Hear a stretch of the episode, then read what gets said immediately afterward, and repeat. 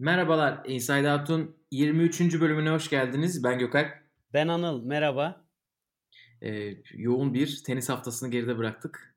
Ee, Anıl'la onu konuşuyorduk. Tenis izlemekten başka bir şey yapamadık. Sosyal, sosyal hayatımıza darbe vurdu resmen bu hafta sonu.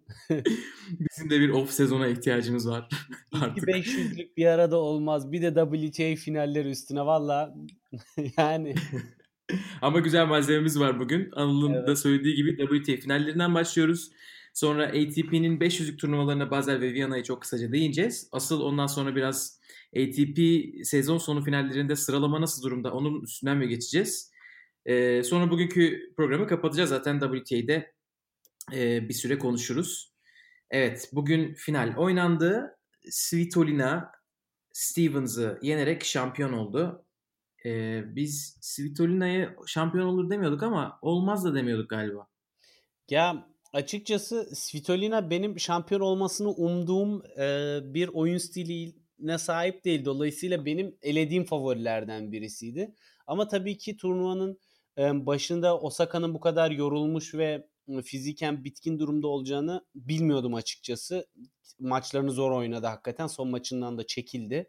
Ee, onun haricinde Kiki Bertens bizi şaşırtmadı. Büyüklere karşı büyük oynuyor dedik ve hakikaten de çok iyi oynadı. Svitolina'ya yenildi ama onun haricinde çok çok iyi performans gösterdi. Güçlü vuruşlarıyla, atak oyunuyla e, cesur bir şekilde çıktı maçlara. Hiç hani böyle kontenjandan geldim Halep çekildi ben burada efendi gibi grubumda takılayım ne kazansam kardır diye gelmedi. Gerçekten kazanmaya hmm. oynadı. Ee, ve burada e, yarı finalde de ona da biraz değinmek lazım. O çok ilginç maçlar oldu yarı finallerde evet, de. Evet. Ee, orada biraz da koç farkı ve hani hakikaten WTA tur, turundaki e, temel fark olan koçu yanına çağırıp biraz e, onunla konuşabilme imkanı çok şeyi etkiledi bu turnuvada. Onun çok etkisi oldu. Aynen bir gruplardan başlayalım mı? Yavaş yavaş Aynen. finale doğru gidelim.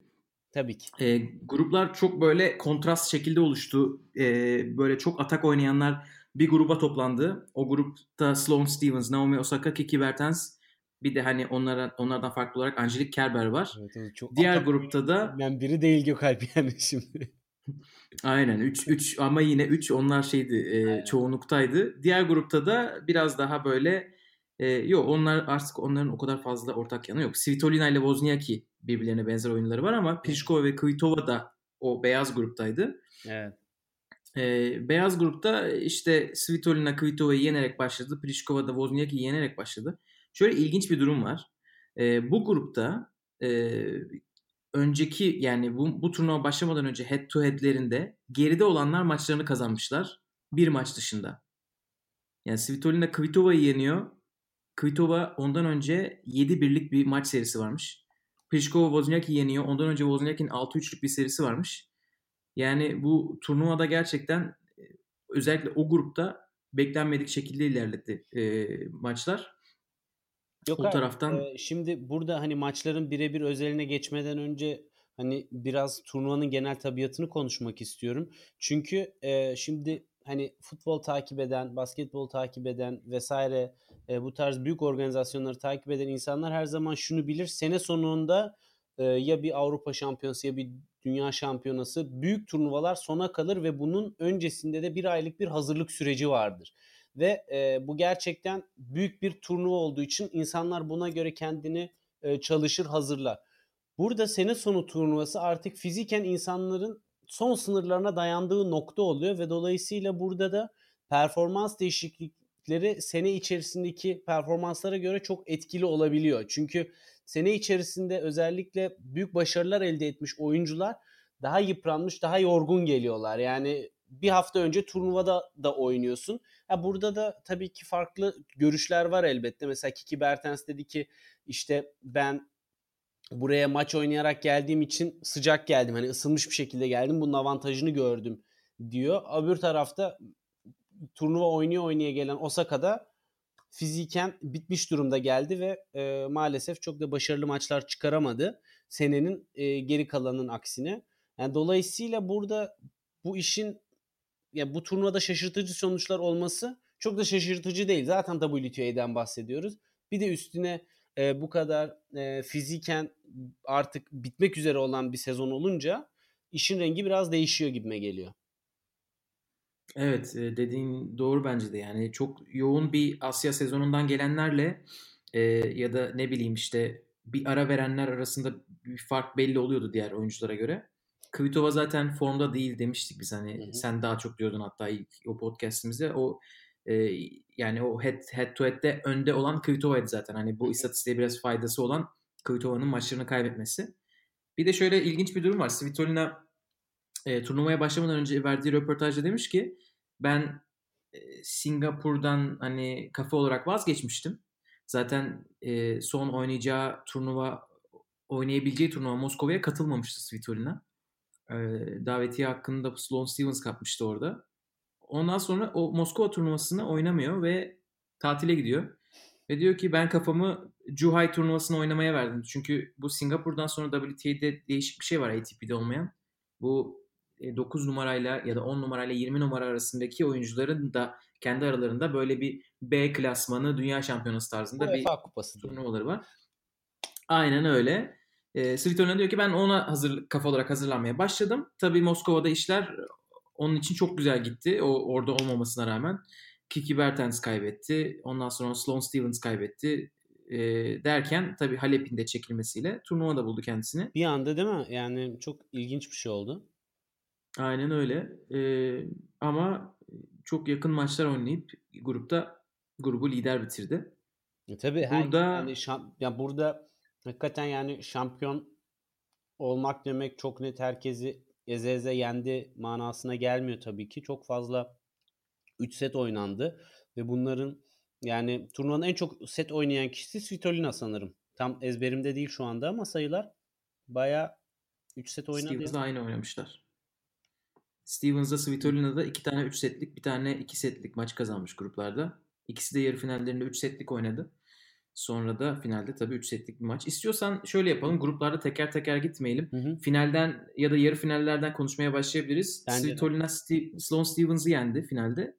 Ee, yarı finalde de e, Sloane Stevens kimi yenmişti? Pliškova'yı yendi. Tabii. Svitolina da Bertens'i yendi. Nasıl yapalım? Yarı finallerden başlayalım. Nereden başlamak istersin? Evet bence yarı finallerden başlayalım. Çünkü e, tek tek bütün maçlara girersek yani çıkamayız o işin içinden bence. E, Aynen. O zaman yani e, Sloane Stevens, Pliskova diyelim mi? Tamam. Çok ilginç bir maç oldu. Tamam ilk onunla başlayalım hakikaten. Yani maç acayip başladı. Stevens maça hiç giremedi. E, ikinci sette de 2-0 geri durumdaydı. Sonra Orada yani şu esasında. Bu arada ikinci sette 2-0 diyoruz ama 6-0 2-0 geride. Yani, yani hiç oyun kazanamadı maçta. Maçta hiç oyun kazanamadı ve kazandı. Ve orada ne oldu tam o anda? Ben orada bir tweet attım. Dedim ki. ha evet. 6-0-2 Gökalp'in şöyle bir e, özelliği var dinleyiciler. Maşallah dediği 3 gün değil 3 saniye yaşamıyor. Hakikaten Gökalp'in evet. övgüleriyle e, bugüne kadar bahislerinizi oynayabilirsiniz. Tersime. Elbet takipçi kazandırmak için söylemiyorum. Size para kazandırmak için söylüyorum. Yani utanmadan şöyle bir şey yaptım. Pliškova'nın koçunu tagleyerek dedim ki ne kadar cool duruyorsun 6-0 2-0'dan sonra hiç böyle sevinme yok. Meğer kadının bildiği varmış. Evet. Hani herhalde o, o, o hissetmiş anladın mı? Koçu hissetmiş Renaissance. Neyse artık ondan sonra bir şeyler değişti. Ya şimdi orada tabii ki çok fark oldu hakikaten e, bu koçun damga vurduğu ilk maç olabilir herhalde e, kritik olarak. Sonra Stoline Bertens özelinde de konuşuruz. 6-0 2-0 yenik durumdayken Stevens ilk oyunu kazandıktan sonra öyle bir haykırdı ki mübarek aslan kükrüyor dedik. Yani hani öyle bir kabuğumu kırdım game. Çünkü maça bir türlü giremiyor ve Pliskova da yani beklenenin aksine çok daha atak, çok daha e, önde oynuyor. Fileye çok fazla çıkıyor. Yani Efendim? Kusursuz oynadı diyordum. Aynen. Yani aynen o kadar sert oynuyor, fileye geliyor, köşeleri çok iyi vuruyor. Stevens'a bir türlü e, bir puan kur bir puanı kurgulayarak oynatmadı Stevens'a neredeyse hiç ve Stevens sinirinden ağlayacak noktaya gelmişti. Derken bir oyunu kazandı Ve o oyundan sonra da zaten 2-1'de change oldu ve koçu geldi yanına. Ondan sonra bambaşka bir Stevens izledik. Gerçekten inanılmaz değişti iş. Ee, tabii ki öndeyken bir oyuncuyu aynı şekilde oynamaya motive etmek de o kadar kolay değil. Şimdi Pliskova gidiyor 6-0 2-1. Yani koç yanına gelse ne diyecek? Ama Stevens'ta iş çok farklı bir noktaya geldi hakikaten.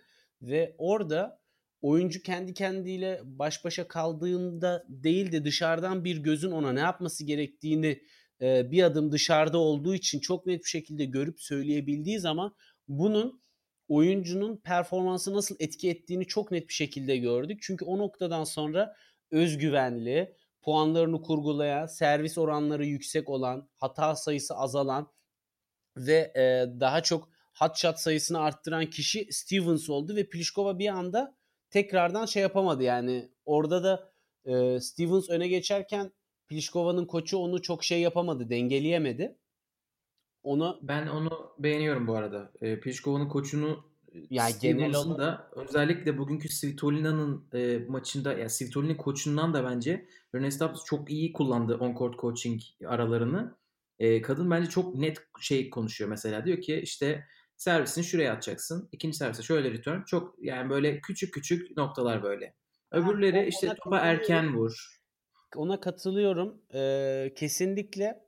Ve hatta yani şu da vardı. Pliškova'nın koçu ona bu talimatları verdikten sonra Pliškova'nın bunları kortta birebir uyguladığını ve aslında servis oyununda biraz çalıştığını da gördük yani. Verdiği taktikler işe yaradı ama Stevens'ın gelmiş olduğu motivasyon seviyesi o kadar yüksekti ki yetmedi. Yani aslında evet o noktada hak veriyorum sana yani Pliškova'nın koçu e, eksik değildi. Stevens'ın koçu onu çok daha iyi motive etti ki bence zaten e, Stevens genel olarak da Pliškova'yı yani oyun tarzı olarak yenebilecek bir insan olduğu için o noktada çok da yapacak bir şey kalmadı bence. Bence benim şaşırdığım taraf Pliškova'da 6-0'da mesela neden koçunu çağırırsın? Ya da ne bileyim 6-0 2-1 2-1 hadi tamam belki momentum değişiyor ama 6-0'da çağırmanın ne anlamı var? O bana çok fazla koç çağırıyor gibi geldi. Onu bir Ama bence bu on court coaching olayını bence başka bir yerde uzun uzadıya konuşalım. Çünkü şu anda tenis camiası sadece bunu konuşuyor. Özellikle Serena'nın olayından beri hani bu artık izin verilmeli mi? Bu, bu kurallara dahil olmalı mı? Yoksa sadece işte WTA'de şu anda WTA turda olduğu gibi mi devam etsin konuşuluyor. Grand Slam'ler hala bir adım atmadılar tabii ki buna yönelik. Yani ama gerçekten dediğin gibi bu turnuvada çok fazla gördük. Ve inanılmaz etki ettiğini de gördük ki ilginci ilginç olan e, Svitolina coaching'i çok kullanan bir isim. Yani on court coaching'e en çok karşı olan isimlerden biri de aynı zamanda. Ama o ekmeğini yedi bu turnuvada. Ha onu bilmiyorum. Evet evet bayağı açıklamaları var. Ben karşıyım dedi. Yani e, kullanmasın o zaman. diyor ki koç diyor bütün sezon boyunca antrenmanlarda, taktik çalışmalarında vesaire zaten görevini yerine getiriyor. Sahada insan kendiyle baş başa kalıp hareket etmelidir diyor. O coaching olayına ben kortta karşıyım o yüzden falan diyor. Yani hakikaten bu kadar da net konuşuyor. Yani yani ortaya yuvarlak demiyor. Karşım diyor sen koçunla anlaş, çalış, taktiğini belirle, maç öncesi kurgula. Kortta artık sen kendinle baş başa olmalısın diyor. Bir mental bir mücadeledir diyor karşı tarafla da diyor. Bu da işin heyecanını arttırır diyor. Yani Evet şaşırtıcı vallahi benim için. E, çünkü dediğin gibi çok fazla koça başvurdu. Evet. tabii, yani hakkı varken başvurması normal tabii. E, tabii canım. O zaman Svitolin'le konuşuyorken Svitolin'e geçelim. geçelim Svitolin'e Bertens. Evet. Orası başka oldu. Orası daha böyle maç boyunca sanırım daha böyle baş başa gitti. Maç boyunca baş başa gitmekle beraber Gökalp ben şimdi Svitolina gerçekten bu turnuvaya gelmeden önce farklı şeyler yaptı. Ee, yani Wimbledon'daki Svitolina'nın fotoğrafına bak bakabilirsin ee, ve dinleyiciler de bakabilir. Bir de bu turnuvadaki yani yani inanılmaz derecede kilo verdi ve zayıfladı ve bunu bilinçli bir şekilde bir taktik olarak yaptı. Güçten ziyade kondisyon ve hızla e, bir yerlere gelmek istedi. Hani atak oyundan ziyade sırf baseline'da kalayım, her topu geri göndereyim. Yani neredeyse bir e, dişi Djokovic'in çok da fileye çıkmayan versiyonu e, gibi oynamaya karar verdi ki bu da zaten oyununda görüldü. Yani zaten fileye çok az geliyor ve hakikaten de e, şunu çok net gördük. inanılmaz sabırlı ama ben mesela Svitolina'nın oyununu izlemekten keyif almıyorum. Yani hakikaten çok istikrarlı hani precision dediğimiz e, vuruş e, düzgünlüğü ve istikrarı çok yüksek düzeyde. Her topu geri yolluyor. Fena da yollamıyor. Ark, kortun arka tarafına yolluyor. E, karşı tarafın atak yapmasını engelleyecek şekilde gönderiyor. Ama yani o tamamen ona kalırsa 50 tane rallide 50 tane top gitsin gelsin. En son artık sabredemeyen hata yapan sayıyı kaybetsin denir. Hani bu e, çok özellikle sonrasında bir e, ATP maçı izlediğin zaman orada nasıl daha fazla oyun kurgularıyla atak, sert vesaire geçtiğini görünce iyice göze batıyor bu. Ben mesela o yüzden esasında maçı Kiki Bertens'in kazanmasını çok daha fazla istiyordum. Çünkü Kiki Bertens maça seyir zevkini getiren vuruş kalitesi yani yüksek kaliteli vuruşları daha fazla yapan insan oldu. Svitolina sabrıyla, istikrarıyla e, ve e, başarılı oranlarıyla e, maçı kazandı.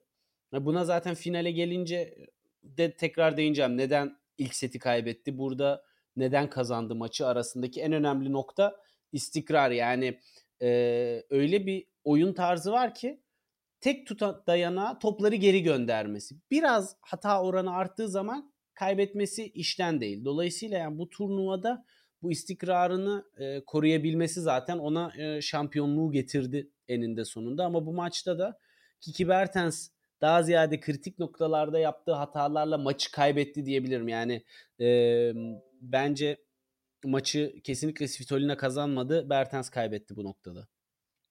Zaten Svitolina'ya karşı büyük ihtimalle eğer diğer taraf Svitolina tarzında yani böyle counter puncher denen bir oyuncu değilse o tar- maçı genelde o taraf kaybediyor. Çünkü onların stillerinden dolayı. Bence evet. Svitolina'nın şu ana kadar Grand Slam'lerde işte yarı final görememesinin sebeplerinden birisi de bu. Yani çünkü kaybettiği isimler genelde ondan daha atak oynayan isimler oluyor ve o zaman maça karar veremiyor. Ya dediğin biraz hani zevk meselesi. Bazı insanlar şeyden hoşlanabiliyor. Ee, ne kadar iyi defans yapıyor. Her yani du- duvar Hı. resmen her şeyi geri çeviriyor o inanılmaz işler, inanılmaz böyle işte fileden seken topa bile yetişti. Onun da bir seyir zevki var. Evet. Ama dediğin gibi evet. Bertens'in çeşit, oyun çeşitliliği ama bence Bertens o konuda e, en iyilerden biri. Yani sırf Svitolina'ya kıyasla değil. E, bu, çok zekasını şu, kullanıyor oynarken. Onu takdir ediyorum. Yani. Abi elleri çok bence yani yetenekli. Drop shotlarda bu gözüküyor.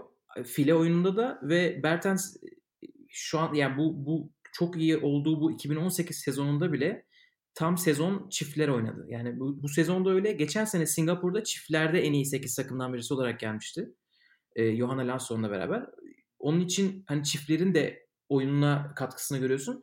Benim anlamadığım daha çok hani belki sen, sen de ondan dolayı kurgu diyorsundur ya da işte e, oyun bazı önemli puanları yanlış oynaması. Ya neden daha fazla fileye gelmedi? Fileye daha fazla gelse e, oyunu bitirebilirdi. Bugün Stevens için aynısını düşündüm.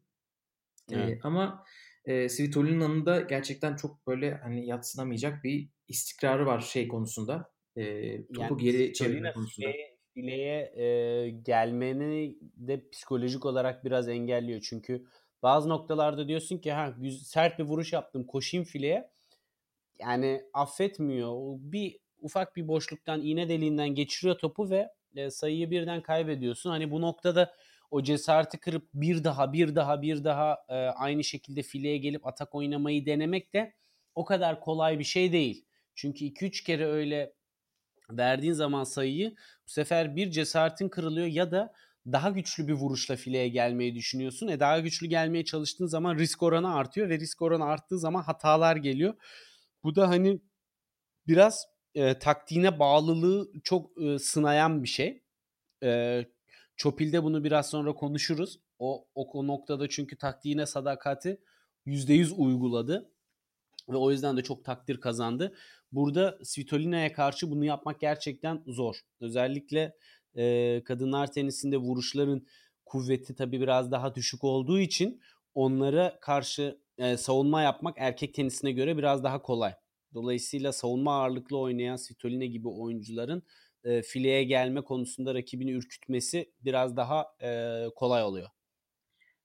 bence ama şey yapmamak lazım. Yani genellememek lazım şey olarak. Çünkü kadınlar içerisinde de çok kuvvetli vurup çok yavaş vuranlar var. İşte ya da çok slice tercih edebilenler var. İşte Pliškova'ya bak, Osaka'ya bak. Öbür tarafta Wozniacki ile işte ne bileyim Svito, Svitolina var. Ki Wozniacki bu arada sert vurmuyor. Hızı çok yüksek değil ama büyük ihtimalle bu 8'in arasında en çok top spin verendir.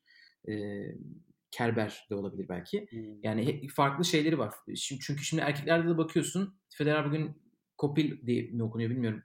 Kopil'le oynadığı adam her topa acayip erken vuruyor. Acayip Hı. sert vuruyor. Çeyrek finali Gilles Simon'la oynadı. Gilles Simon'un ben neden hala bu turnuvalarda oynayabildiğini anlayamıyorum o, o, o vuruş hızıyla ama adam çok o da e, de, değişik bir tarzı var. E, deyip Svitolina'ya bir geri getireyim konuyu. Bir dağıttım ortalığı. Ondan Svitolina'ya. Aynen öyle. E, Bertens bence dediğin gibi önemli puanlarda böyle bir birkaç hata yaptı. Karar veremedi 3. sette yoksa alabilirdi. E, ve onu da ilk sezon sonu turnuvasıydı. E, Svitolina da şey diyor işte geçen sene benim ilk sezon sonu turnuvamdı. Ben e, insanlar hani rakiplerime göre oynamak yerine sadece oynamaya çalışıyordum. Onun için e, gruplardan çıkamadım. Bu arada Svitolina bu turnuvada da son maçında Wozniacki'ye karşı ilk setini 7-5 kaybetti. İkinci set 5-5'ti. Hani Wozniacki oradaki iki oyunu alsa Svitolina gruplarda elenecekti. O kadar heyecanlı oldu grup maçları. Ama sonra Bertens'i de her şey pamuk ipliğindeydi ya. Yani her yerde çok fazla. Yani. Tabii ki Naomi Osaka'nın herkese yenilmiş olması grubunda orayı biraz şey yaptı. Dengeleri bozdu da. Aynen. Finale gelelim. Sloane Stevens Final... var bir tarafta. Ee, ilk defa o da bu sene katılıyor. Evet. Öbür tarafta da Svitolina var. Svitolina da hiç kimse beni buralarda beklemiyordu. İlk maçını kazandıktan sonra bu maç haterlarıma gelsin demiş. yani iki ismi de zaten yarı finalleri konuşurken biraz konuştuk yapı olarak. Biri atak, biri yumuşak ve daha savunma ağırlıklı oynayan bir isim. Svitolina gerçekten kilo vererek savunma ve topları geri gönderme strateji üzerine stratejisini fiziken yaptığı çalışmalarla da kurguladı ve hani hep şunu diyor. Ben diyor biz diyor bunu ekibimle konuştuk. Biz bunu denememiz lazım. Denemezsek bilemeyiz. Dolayısıyla bu bir değişiklik. Değişiklikleri denemek lazım. Tutar tutmaz ayrı bir şey ama e, ondan sonra tutmazsa bu sene bakarız gelecek sene için deyip e, böyle bir karar almışlar ve acayip kilo verdi. Yani hakikaten e, kuvvetten ziyade sert oyundan ziyade savunmaya döndü ki ilk turnuvalarında dediğin rakiplerinin dediğine göre maç içerisinde fiziki gücünün azaldığını çok net hissedebiliyorduk. Tarzı geri bildirimler e, geliyormuş rakiplerinden. Tabii ki aynı güçlü ve sert oyunu oynamaya çalışıp çok daha az enerjiye sahip olup daha küçük bir bünyeyle bu zorluyormuş ve e, stratejisi de bu yüzden bilinçli. Yani o yüzden çok atak oynamıyor, çok kuvvet kullanmıyor, topu sadece geri gönderiyor. Yani bu tamamen kurguladığı bir strateji. Bu turnuva da tuttu. Ama bu turnuva özelinde kalır mı yoksa daha ileriye doğru devam eder mi? Onu bilemiyorum. Çünkü burada mesela şu çok e, netti. İlk sette e, servis oranı biraz düştü. Yani Sloane Stevenson da çok iyi değildi ama servis oranı biraz düştü ve bir anda Şipşak kaybetti seti. Yani çok istikrara dayalı bir oyun oynaması gerekiyor ki onu da e, ikinci ve üçüncü sette çok net gösterdi. Yani orada duvar oldu adeta ve Stevens pes etti yani hakikaten. Bu arada bir şey oyun... ekleyeceğim. E, Stevens'a hani atak oyuncu diyoruz ama Stevens gerçekten atak oyuncu olmasına rağmen bence bugün atak oynamadı. Evet, ah doğru evet çok doğru söylüyorsun onu. Bu turnuvada yani Svitolina'ya göre mi taktik belirledi acaba Bertens'i izleyip ne yaptı bilmiyorum. Ama hakikaten yani bir ara ralliler öyle dönmeye başladı ki o atıyor topu ona o atıyor topu ve hani yani böyle hiç aman biraz köşeye atayım aman biraz koşturayım yok. İkisi de kortun ortasına top çevirir gibi top attılar bir ara. Hani hakikaten e, o noktadan sonra ama e, Stevens böyle biraz sabırsızlandığı zaman ta, stratejisine bağlı kalamadığı zamanlarda sayıları da kaybetti aslında. Yani ikinci sette biraz da o sabırsızlığını e, kaybetti. Svitolina oyun aynı şekilde taktiğine sadık bir şekilde oynamaya devam etti ve e, Stevens'ın sinirleri dayanmadı. Özellikle hızlı kortta aceleci oynamaya çalışınca e, biraz aslında Svitolina aslında ilk set güzel başlamıştı Stevens. Bence çok güzel fileye çıktı böyle e, Tabii. hani e, Svitolina'nın rahat rahat geri döndürebileceği toplara bile çıktı ama voleyle bitirdi sayıları. Ama ondan sonra o atak oyunundan vazgeçince bence oyun e, biraz şey oldu. Hani hem Svitolina'dan daha fazla top geri dönüyor hem Stevens da böyle kafasında büyük ihtimalle tereddütler başladı ikinci sette. Bu tam şeye benzedi yani Fransa açık finaline benzedi. Stevens yine çok güzel oynayıp ilk seti almıştı Halep'e karşı. Hı hı. Sonra Halep geri dönmüştü ikinci set, üçüncü set alıp. 6-2 6-2 bugünün ikinci ve üçüncü setlerin skorları ama 6-2'den daha yakındı maç. Özellikle üçüncü sette yani... 3-2 idi ee, ve 4-2'den sonra koptu zaten. İki sette 4-2'den koptu. Ee, o noktada Stevens servis kırıp tekrar servisini kırdırdığı için zaten bu noktaya geldi olay. Yani esasında tam böyle sete başlıyor. Servis kırıyor Stevens. Çok önemli bir noktada 2-2'ye geri getiriyor servisini kırdırdıktan sonra. Ama servisini bir türlü tutunamadı. İkinci sette de, üçüncü sette de ve iş orada zaten e, bitti. Yoksa Svitolina'nın servislerinde kırmakta Stevens'ın hiçbir problemi yoktu ama bugün kendi servis kalitesi biraz düştü ikinci ve üçüncü sette. Aynen. Bence bu güzel bir özet oldu final için. E, Svitolina gerçekten hani sabretti. E, Stevens'ı bence 3. sette biraz daha atak oynadı ve onun için onun tarafına doğru gitti maç. E, şampiyonayı kazanmayı başardı. Şimdi tabii ki merak edilen soru Svitolina acaba Grand Slam kazanabilecek mi? Çünkü onun için konuşulan buydu. Şimdi biz hani sen Wimbledon'dan sonra hani fiziki değişimi söylüyorsun ama aslında öncesinde de Svitolina'nın çok büyük şeyleri var, başarıları var. Roma'yı arka arkaya iki defa kazandı. Bu Masters turnuvası evet. e, seviyesinde. İki sene son 2016, 2010, pardon 2017 ve 2018'de 9 şampiyona kazanmış ve final kaybetmemiş. E, onun için önümüzdeki sene özellikle bile şimdi geçen sene Wozniacki bu turnuvayı kazanıp sonrasında Avustralya'yı kazanınca insanlarda hani bakalım bir trend oluşacak mı e, şey beklentisi var ama tabii bu turnuvayı WTA'de trend yok yani olmayacak. Hiçbir zaman ben beklemiyorum yani. Serena Williams belki yine bir trend kurabilirse orası ayrı da onun dışında yok ya. Gerçekten. E, ya bence bu bu tarz turnuvalar şey yapıyor. Çok böyle moral veriyor çünkü e, bütün sezon boyunca buraya gelene kadar 7 tane e, top 10 oyuncusuyla oynamış. 4'ünü kazanmış.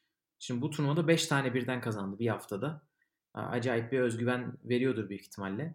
Ama Gökalp yani şu var. E, ya bu kadınlar tenisinde erkekler tenisinden biraz ayrıştıran özellik hakikaten duygusal faktörün çok daha üst düzey olması. O yüzden turnuvalar sürprizlere çok daha açık oluyor. Yani özellikle Grand Slam'lerde dışarıdan seni dürtecek bir koçta olmadığı zaman e, bu şuna etki ediyor. O gün o anda bir reaksiyonda bir duygunun içerisinde kaldıysan ona hapsolup bir anda bütün e, o güne kadarki yüksek performansların çok çok altında bir şey sergileyip e, performans sergileyip hiç e, hızlıca maçı kaybedebiliyorsun. Zaten 3 setin ikisini kazanan olduğu için bir saatte de şipşak maçlar bitebiliyor yani. Hiç göz açıp kapayıncaya kadar. Grand, erkekler Grand Slam'lerinde sonuçta 5 set var. 2-0'dan 3-2 geri dönen çok fazla e, maça tanık oluyoruz. Bence Kadınlar duygusaldan tenis... ziyade kadınlarda seviye çok yakın birbirine. Erkeklere kıyasla. Erkeklerde ilk 10'la e, işte 11 arasında bile böyle bir fark var. Ya da ne bileyim ilk 6 ile. Ama kadınlar bence birbirine çok yakın seviye olarak. Ondan kaynaklanıyor gibi geliyor bana. Yani bilemiyorum. Sonuçta e, sene içerisindeki turnuvalarda da erkeklerde çok fazla e, sürpriz oluyor ama yarı finale Grand Slam'lerde maksimum bir tane sürpriz isim çıkıyor. Fazlası çıkmıyor. Deyip o zaman erkeklere geçelim mi? Svitolina'yı tebrik evet. edelim. Evet, Ve Svitolina'yı tebrik edelim. Ve Bazel'e geçelim. Aynen. Bir Bazel bir de Viyana konuşacağız ama Bazel'i daha fazla yer ayırırız. Çünkü Bazel'de Federer var. Ya ba- Bazel e, gerçekten ya bence zaten e, daha çok konuşulmayı sonuna kadar da hak eden bir turnuva. Hem e, oyun kalitesi olarak hem organizasyon kalitesi olarak. E, bir kere her şeyden önce şunu söylemek lazım. E, bu turnuva tabii ki Federer için çok çok özel bir turnuva. Hatta e, basın mensuplarına bu turnuva öncesinde bu turnuva süresince çok anısını anlattı tabii ki. Seneye sözleşmesi bitiyor Bazel'le. Belki seneye son kez oyuncu olarak gelecek buraya. E, o yüzden çok da nostaljik bir havası var. buraya ilk e, maç izlemek için maç önünde bilet sattığını ve işte o sattığı biletlerin parasıyla bilet almaya parası yetmiş falan filan. İlk e, bol boy olarak e, burada e, boy gösterdiğinde Michael Stich'ten fırça yemiş hatta falan e, böyle değişik e, hatıralarını paylaştı ve e, bu turnuvada da ilk eleme oynadığı zaman ilk oynadığı sene tabii ki Federer'de bir zamanlar eleme oynadı e, ve orada eleme oynarken ilk maçında çok ilginç bir şey oluyor. Maça başlıyorlar. E, bir servis atıyor. Bu arada bence kesinlikle ona davetiye vermişlerdir. O hayatta burada eleme oynamamıştır gibi geliyor bana. Yok hakikaten bak eleme oynuyor ve e, o zaman 16-17 yaşında mı ne öyle bir şey yani daha başka taraflarda junior oynuyorken elemeye katılma hakkı vermişler. E, yanlış bilmiyorsam. Ve diyor ve e, şu oluyor servis atıyor 40-0 önde fark ediyor ki servis sırası onda değil. ve e, bir anda e, şey bunu fark ediyor ve söylüyor. Karşı taraf servis atmaya başlıyor ama alınan sayı geri verilmediği için karşı tarafın servis oyununa 0-40 ile başlıyor. Bir sayı alıp break yapıp ilk eleme maçını öyle kazanıyor. İkinci maçta kaybediyor ve ondan sonra bir daha hayatım boyunca zaten böyle hiç başıma bir şey gelmedi diyor. Ama yani bu turnuvanın e, Federer özelinde çok çok büyük önemi var. Yani hani bunu belirtmek için biraz da bunları anlattım. Hani bu, bu sadece bir 500'lük bir turnuva değil yani öyle sıradan katıldığı bırakıcı. Burada hakikaten performansını üst düzeyde tutmak seyirciyle seyirciye karşı büyük bir sorumluluk hissediyor kendi içerisinde hissediyor kendini burada. Aynen Federer için bazen büyük bir önem taşıyor tabii. Viyana bence daha doluydu şey olarak oyuncu olarak çünkü Bazel'de Del Potro ve Djokovic'in oynaması, gerekiyordu. Djokovic çok maç oynadığı için çekildi. Del Potro malum sakat. Onlar ikisi gelmeyince birden e, Bazel biraz daha hafifledi e, kura olarak. Ama bu duygusal girişin için teşekkür ediyorum. Yine bence Federer'in hafta içi ne kadar rezil oynadığına geçebiliriz. geçelim, geçelim. Yani hakikaten o konuda sana katılmamak elde değil. Hakikaten hafta içinde yani e, keşke Federer... servisini yanlış zamanda kullansaymış da sayıyı böyle verseymiş, böyle vermeseymiş dedirtecek sayılar oynadı.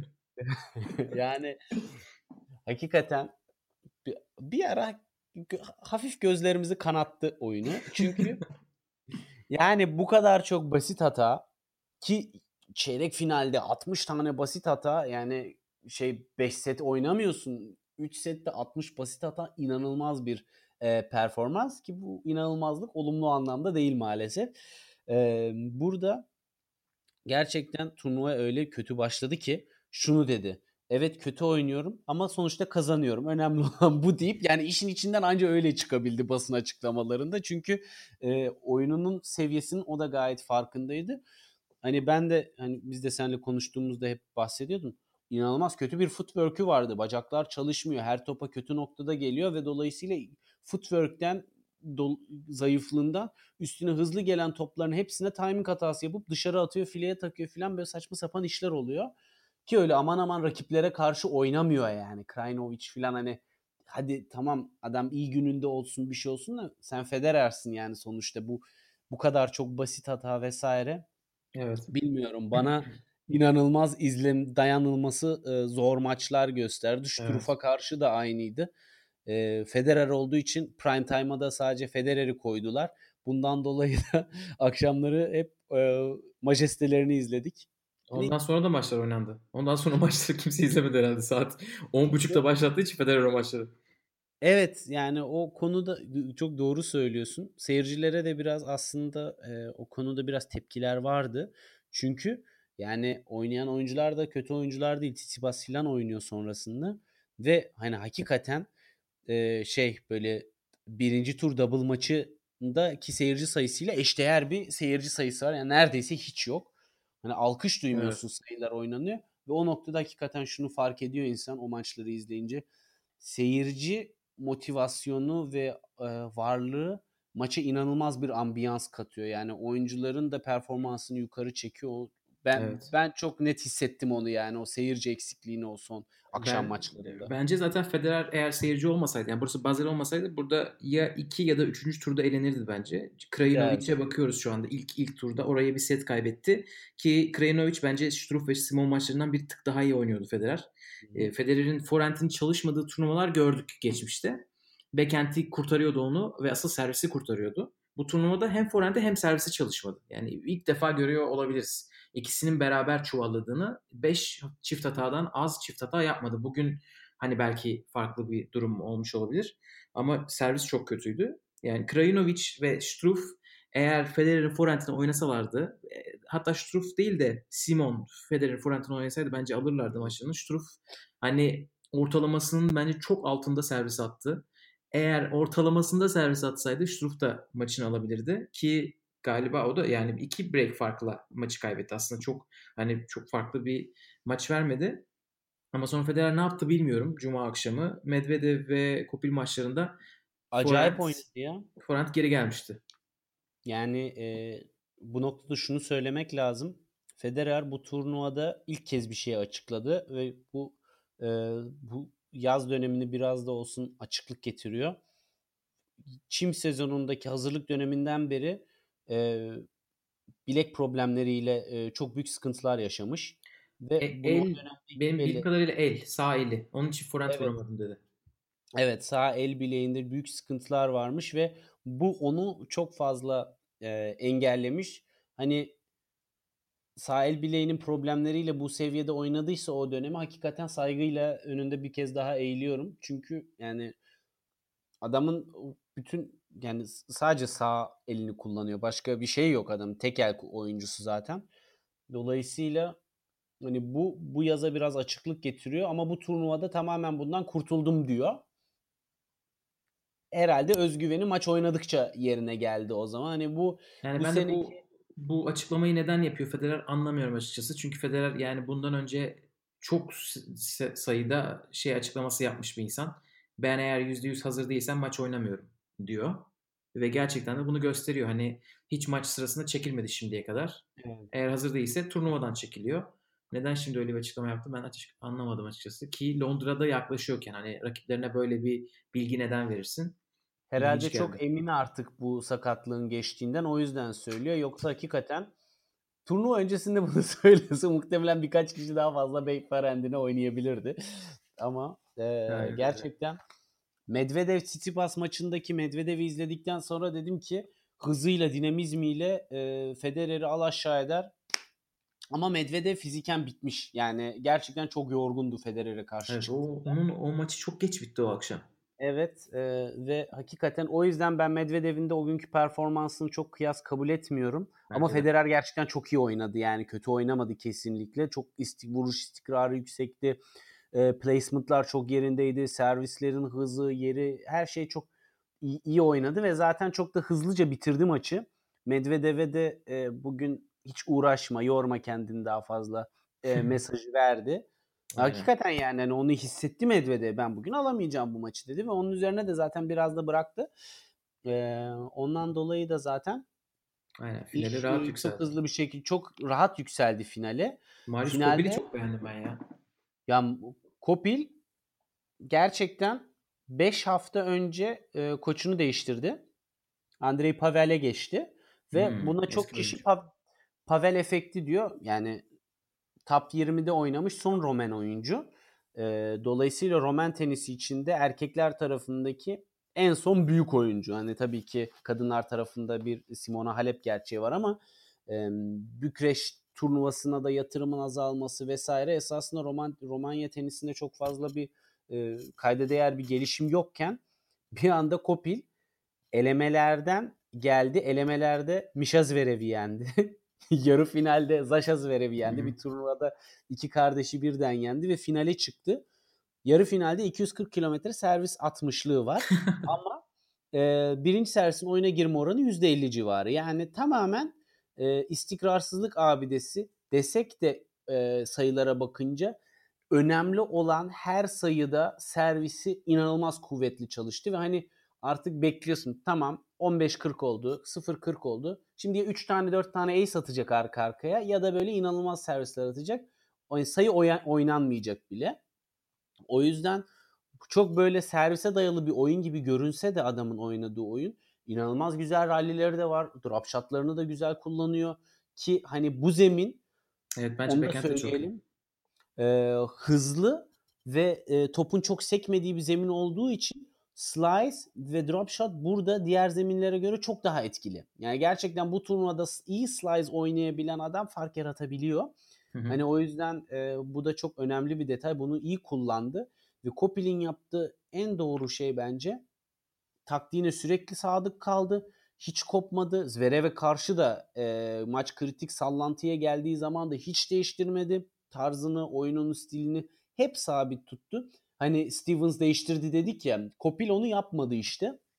Ve e, o noktada Zverev'i e, gerçekten mental olarak üstünlük kurup geçmeyi başardı ve finalde geldiğinde seyirci inan turnuvada acayip seyirciyi kazanmış ya. Adamlar bayağı sevmiş Kopil'i yani.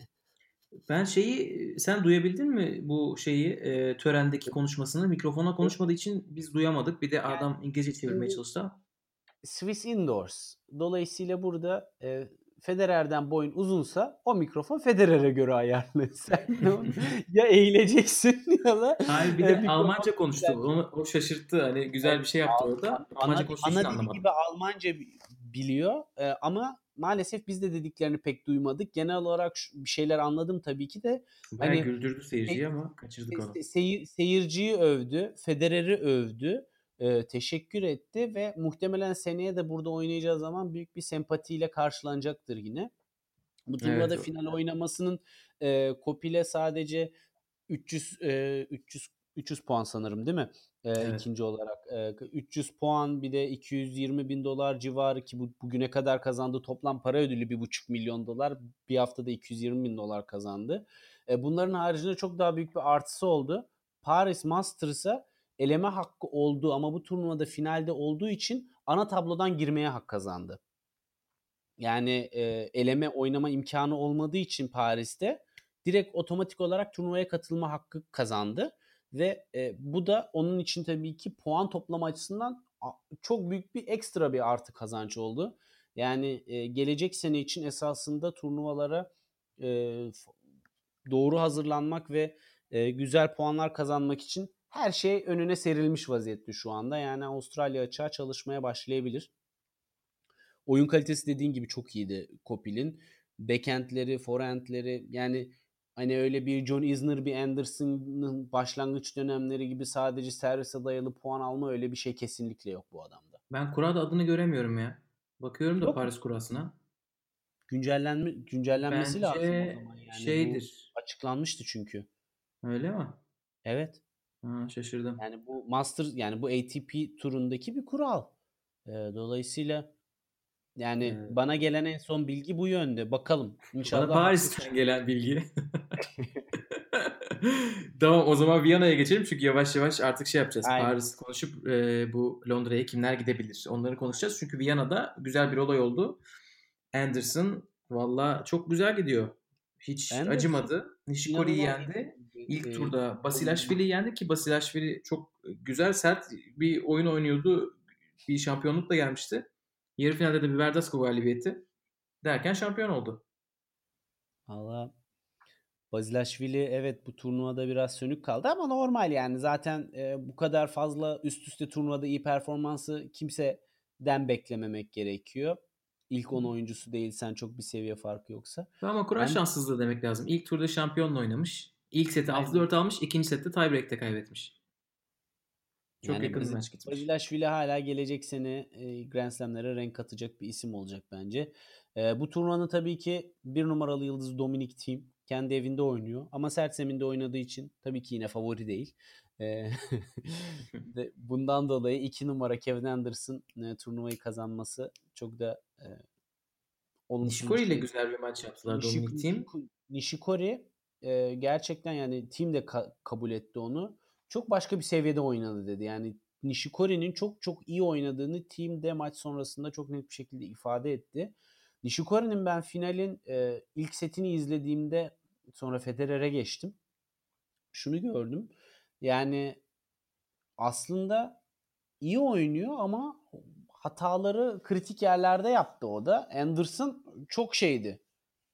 Buz adam ya. Yani Anderson istikrarı çok büyük saygıyı hak ediyor. Yani zaten iyi bir servisi var. Return oyunun da bu sene ilginçtir. Anderson'la Isner aynı sinir bozucu oyun stilinden return oyununu geliştirdikleri oyun stiline aynı sene geçtiler ve bu sene o yüzden ikisine biraz e, saygım arttı yani. Ama e, Anderson tabii bir tık yukarıda. Özellikle Bence biraz... Anderson onu daha önce yapmaya başladı. Onun için adamın şey US Open finali var. Ama dediğin gibi şu istikrarları devam ediyor ikisinin de. Evet.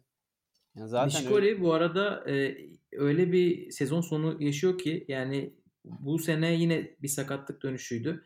Challenger oynuyordu yani Ocak ayında. Öyle bir durumdan bahsediyoruz. Sonra tabii şey, Amerika'ya kadar e, sallantılı bir sezon. Amerika'ya kadar e, eğer şeye bakarsanız hani Londra sezon sonu finalleri sıralamasına bakarsanız Nishikori sanırım ilk 30'da yok. Ondan sonra Amerika'da bir yarı final.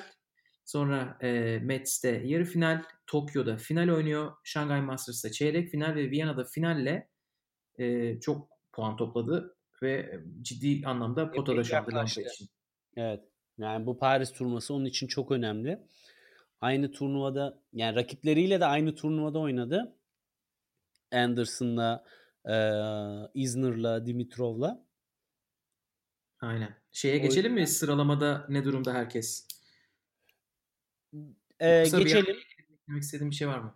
Yok Viyana'ya eklemek istediğim çok fazla bir şey yok. Sadece Çoriç'in yine sakatlıklarla başı e, biraz ağrıyor. Ben biraz ona üzülüyorum açıkçası. Daha çok genç ve inanılmaz bir potansiyeli var ve bu yaşta bu kadar sakatlıkla uğraşması biraz yazık yani. Federer'e gelmeyeceksin işte. Çarpılır.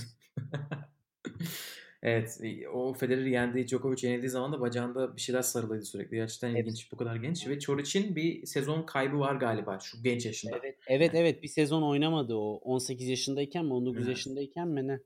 Evet aynen öyle.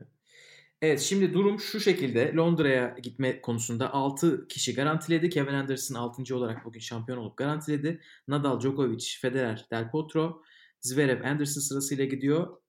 Ee, iki, iki kişilik daha yer var ama üç kişilik daha yer var gibi düşünebiliriz. Çünkü Del Potro hala rehabilitasyonu dizinin etrafında bir şey var. Videolar konmuş. Ee, Londra'ya yetişecek gibi gözükmüyor ama hala tabii ki sezonu kapattığını açıklamadı. Belki de bir, bir tık umut vardır. Ee, 7. sırada Çiliç var. 3880 puan. Çiliç'i 8... rahatlatan bir gelişme tabii ki. Aynen. E, 8. sırada Dominic Thiem var. 3545. 9'da Nishikori var. 3220. 10'da Isner 3075. 11'de Çoric 2400. Ve artık ATP'de oynanacak sadece bir turnuva kaldı. Paris kaldı. Paris. Challenger'lar dışında. Paris'ten sonra artık sadece finaller var. Onun Herkes için Paris'te aynen Paris'te topladıkları puanlar sıralamayı belirleyecek. Onun için istiyorsan ben sana sıra sıra Paris'te ne taraftalar onları bir söyleyeyim. Onların üzerinden konuşalım. Ya bu, buna bir, bir, bir şunu çok net bir şekilde gir, söylemek istiyorum. Yani ilk 3 oyuncu sıralamada saydıkların 32, 31 ve 37 yaşında. Del Potro 30 yaşında. Sonra 5 numarada 21 yaşında bir adam var. Hala Grand Slam bekliyoruz ama bu bence Hani bu seviyede olması bu adamın inanılmaz. Yani Zverev'e bir kez daha saygı duymak gerekiyor. Anderson 32 yaşında. Çiliç 30 yaşında. Sonra 25 yaşında Team geliyor. Sonra Nishikori geliyor 28 yaşında ve Isner 33 yaşında. Ya top 10'in yaş ortalamasının yüksekliğine bakar mısın? Yani evet. bu, bu esasında geçmiş senelerde özellikle e, Federer çıtayı bu kadar yukarıya çekmeden önce 32 yaşında insanlar tenisi bırakıyordu. Şu anda neredeyse top 10'in ortalaması 32 yaşında olacak. Yani bu teniste çok değişik bir döneme giriyoruz. Ki ondan sonra e, Next Gen geliyor tabii ki. O, o arada bir uçurum var. Bir anda 20-22'lik e, adamlar böyle en üst sıralarda.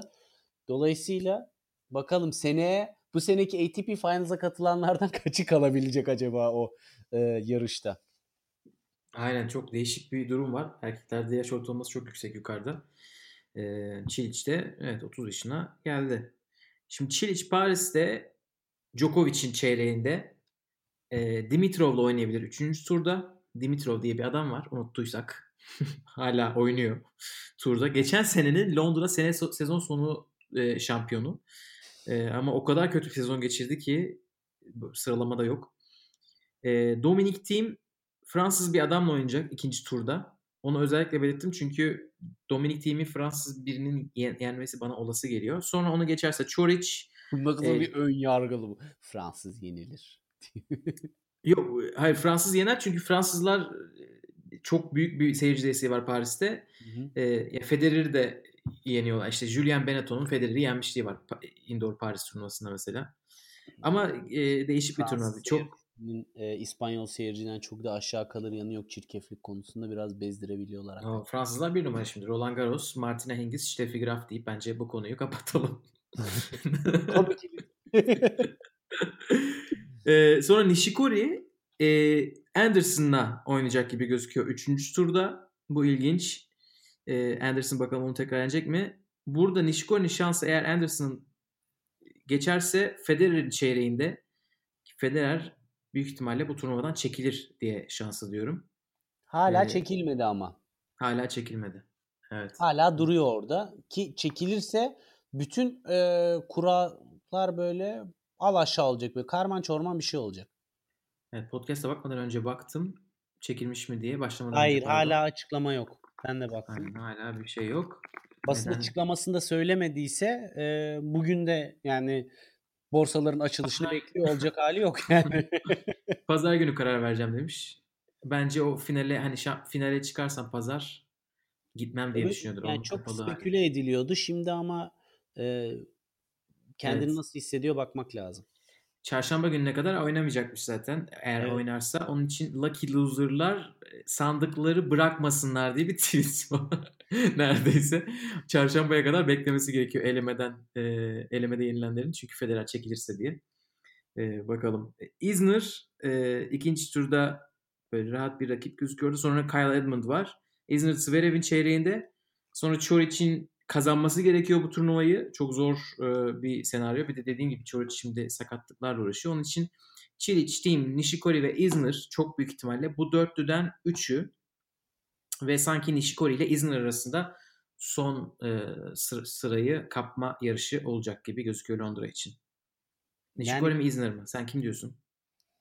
Yani gönlümden geçen tabii ki Nishikori. Ee... Nishikori'nin bir 100 kaç ediyor? Ama Nishikori, Nishikori de Anderson'la 3. turda karşılaşacak. Ki onu geçerse çeyrekte Federer'le karşılaşacak eğer Federer çekilmezse. E, dolayısıyla... Ve yenilmezse. Hı? Ha, ve, ve yenilmezse çeyreğe kadar. Yani şimdi şey ki Federer'in yolunda wildcard'la katılan Son, Songa bilmiyorum hatırlayanınız var mı? Öyle bir oyuncu vardı bir ara Raonic'le. Federer kurasına bakmamışım bile ya. O kadar katılmayacağını düşünüyorum. Yani... Gerçekten Songa Raonic galibiyle oynayacak. Nasıl bir kura bu? Bence bunu görüp bırakır. Evet. İlk turda yani hani tabii ki turnuvanın ikinci turunda. Hadi onu geçti sonra Fonini Fonini'nin karşısında hani Fonini bu sene en çok maç kazananlar arasında e, önemli bir noktada. Hani bir numara en çok maç kazanan da Zverev ama Fonini de dördüncü sırada filan. Onun hani yense bile e, şey Benoit Per Fucovic e, galibiyle oynayacak. Hani oradan bir de fe, eskaza Benoit Per gelirse e, Federer zaten bazen ters gelebiliyor. Bir seyirci desteğiyle o da kabus yaşatabilir. E, ama genel olarak yani Nishikori öyle ya da böyle bir Fransızla oynayacak ilk turda. Ya Manarino ile ya Umbert'le oynayacak. Hani ikisi de gıcık bir durum. Oradan yani Nishikori'nin çıkması takdire şayan bir başarı olur. Bir tane rahat adam yok orada. E, bu arada hani başta dediğim gibi Nishikori'nin zaten şu anda halihazırda Isner'a Isner'dan 145 puan üstünde. Yani hmm. Isner'ın Nishikori'nin 1-2 tur üst performans sergilemesi gerekecek. Onun için sanki Nishikori e, %70 gibi diyebiliriz Londra'ya gitme konusunda. Yani şu anda tabii ki e, ne olacağını göreceğiz ama bir de Del Potro oynuyormuş mesela. Hiç belli, belli olmaz. Yani Ama şu anda kurada Del Potro görünmüyor. Ben yanlış Yok Paris'te değil Londra için diyorum. Ha Londra için diyorsun da. Ben de diyorum Allah Allah. Yok yok yok. Evet bakalım Paris e, ilginç bir turnuva. Genelde sürprize açık oluyor çünkü artık sezon sonu yorgun oluyor. Bazı ekipler iyiler e, top 10 Londra'ya hazırlanmak istiyor. Geçen sene Jack Sock, Filip Krajinovic yendi finalde. Öyle bir Masters Saçma sapan bir şey. bahsediyoruz. Şey. Bakalım. Ama bakalım e, burada üçüncü turda yine bir Djokovic Tsitsipas maçı olabilir. Bu arada hani seyirciler onda belirtmekte fayda var. Gökalp'in maşallah dediği 3 gün yaşamıyor ama e, yerdiği de bloklandığı Tsitsipas'ta aldı gitti. Ben yani, gelmedim ya o beni blokladı. İşte yani. bir şey yazmışsın ki bloklamış. ya Medvedev'le olan kavgasının videosunu koydum. Kendisi görmek istemediği için beni de bloklamış. Şimdi bol boylara yine bir şeyler yapmış. Gördün mü? Bir kız raketini vermek isterken hani bu cool bir hareket var. Raketin sapından tutuyorlar bol boylar poşetini çeksin diye. Hı. Aa evet böyle, orada yine bir sert bir şey oldu. Aynen raketi böyle sert çekiyor. Asabinde maçın sonuna doğru kaybediyor. Aynen ondan sonra sosyal medyada birisi yazmış bu ne rezillik artık şu çocukları rahat bırakın diye. Sonra o zaman... özür dilemiş kendisi. Ama e, özür geleli, geleli işte Evet ya bence de oldu. özrü şey değil. O zaman son belki de konuşacağımız konu bol boylarla ilgili çok ufak bir şey söylemek istiyorum. Çok hoşuma gitti çünkü bugün ödül töreninde bütün bol boylara tek tek madalya verildi. Ee, onların önemi bir kez daha belirtildi ki madalyaları veren bir tarafta Federer bir tarafta Kopil. Muhtemelen herkes keşke bana Federer verseydi. Aynen abi onu düşündüm. Dedim Allah kahretsin Federer öbür tarafa geçti diye düşünmüşlerdir öbür taraftakiler. Federer herkesin tek tek elini sıktı. Konuştu onlara o sempatik İsviçre aksanıyla bir iki ufak e, şakalar yaptı. Hepsinin böyle yüzünde gülcükler açıyordu. Kopil sadece taktı madalya. Yani o tabii daha oraların acemisi. Ama e, bu da çok başarılı bir PR çalışması. Zaten turnuvaya ileride e, Federer direktör olur mu filan e, çok istiyorlar. E, ama yapar mı yapmaz mı belli değil. Ama bir de şu var. Maçtan sonra Federer bir de yani orada sadece o göstermelik değil. Maç maçlar bitince sonrasında Federer bol boyların hepsiyle beraber pizza söylüyor ve ailesiyle beraber onlarla pizza yiyorlar hep beraber. Yani iki farklı örnek bir arada ki Federer e, burada kendi de o yollardan geçtiği için muhtemelen çok da duygusal bir bağı var e, buradaki dol, bol boylara karşı. O da çok güzel bir detay bence karakter evet. açısından. Hani bol boylar, bol boylarımız. güzel pozitif bir e, nota, noktada bitirelim. Dalga, Yok, dalga geçmiyorum ya. Yok gayet güzel bence de. Bol boyları övdü. Hakikaten önemli bir şey. Aynen aynen. Topu kötü attılar mı ritmini bozar vallahi hiç öyle deme. aynen, öyle. Futboldaki top toplayıcılar gibi o sahaya birden çat diye. ee, deyip e, bu arada son bir kadınlar turnuvası var. Neden sezon sonu finallerinden sonra oynandığını gerçekten kimse bilmiyor. Hani böyle festivallerde en iyi çıkan gruptan sonra çıkan, gece yarısından sonra çıkan konser gibi. Bir tane daha turnuva var. Kalan sarhoşları eğlendirmek için. ama ama ama o sarhoşlar çok eğlenecekler. O kadar iyi bir kadro var ki Cuhay'da. Evet. Şimdi onu okuyayım sonra kapatalım. Evet. Kasatkina, Sevastova, Sabalenka, Mertens, Görges, Madison Keys, Muguruza, Caroline Garcia, Ash Barty, Kontaveit ve Davitieli Wang Qiang Keşke bu sezon sonu finali olsaymış. Çok sağ Bayağı iyi bir kadro. Ga- gayet güzel bir kadro. Ee, Ümit Özat'a da yolla. Sevastova da oynuyor çünkü. Aynen takipçilerinden biri Ümit. Kendisi Ümit adam, adam dört tane tenisçi takip ediyor kadın. Biri Sevastova ya gerçekten. Takdir ettim Ümit Hoca'yı. Orada. Aynen orada tenis bilgisini konuşturdu. Bu arada WTA Elite Trofi'yi Juhay'ı kazanan bir Türk tenisçi var desem. Hatırlar mısın? Pemra İpek bu turnuvayı çiftlerde kazandı. İpek ha, çiftlerde ben de teklerde e, sayılır. O kadar eski olması lazım ki bilmemem lazım. O yüzden Pemra mı dedim ama. Yok yok sayılır. Evet güzel bir turnuva olacak bakalım. Ah, Sonra da WTA. inşallah tekrar gelir bu seviyelere. Şu an biraz 500'lerde dolanıyor ama bakalım. Evet Federer bu arada basın toplantısında şu anda demiş ki Paris'e gideceğim. Çarşamba akşamı oynam oynamayı umut ediyorum. Plan şu anda o. Let's see if it happens diyerek de oynamayacağını da yönelik gösteren bir ya bunlar karışık bir açıklama yapmış. Bakalım. evet. Aynen öyle. Ama tamam. Paris'e gidiyormuş. Bakalım. E, bundan sonraki podcastimizde artık Londra'yı konuşacağız. Evet. E, gruplar belli olmuş olur. E, hatta ilk maç bile oynanmış olabilir. Çünkü pazar günü ilk maçları oynanıyor Londra'nın. O zamana kadar bizden şimdilik bu kadar değil mi? Başka bir şey var mı eklemek istediğin? Belki Milano'da görüşürüz mü diyelim. Ha tabii bir de Milano var. Mi, e, Milano onu unuttum. Ee, biz Next Gen Finals'a gidiyoruz Milano'ya. Siz o sonu finallerin heyecanıyla e, gençleri unuttuk. Gençlerin e, evet. turnuvasından oradan canlı bağlanmaya çalışacağız. Evet. Canlı olmazsa da bir özetle Aynen. sizlerle oluruz. Görüşmek üzere. Kendinize iyi bakın. Kendinize iyi bakın. Hoşçakalın.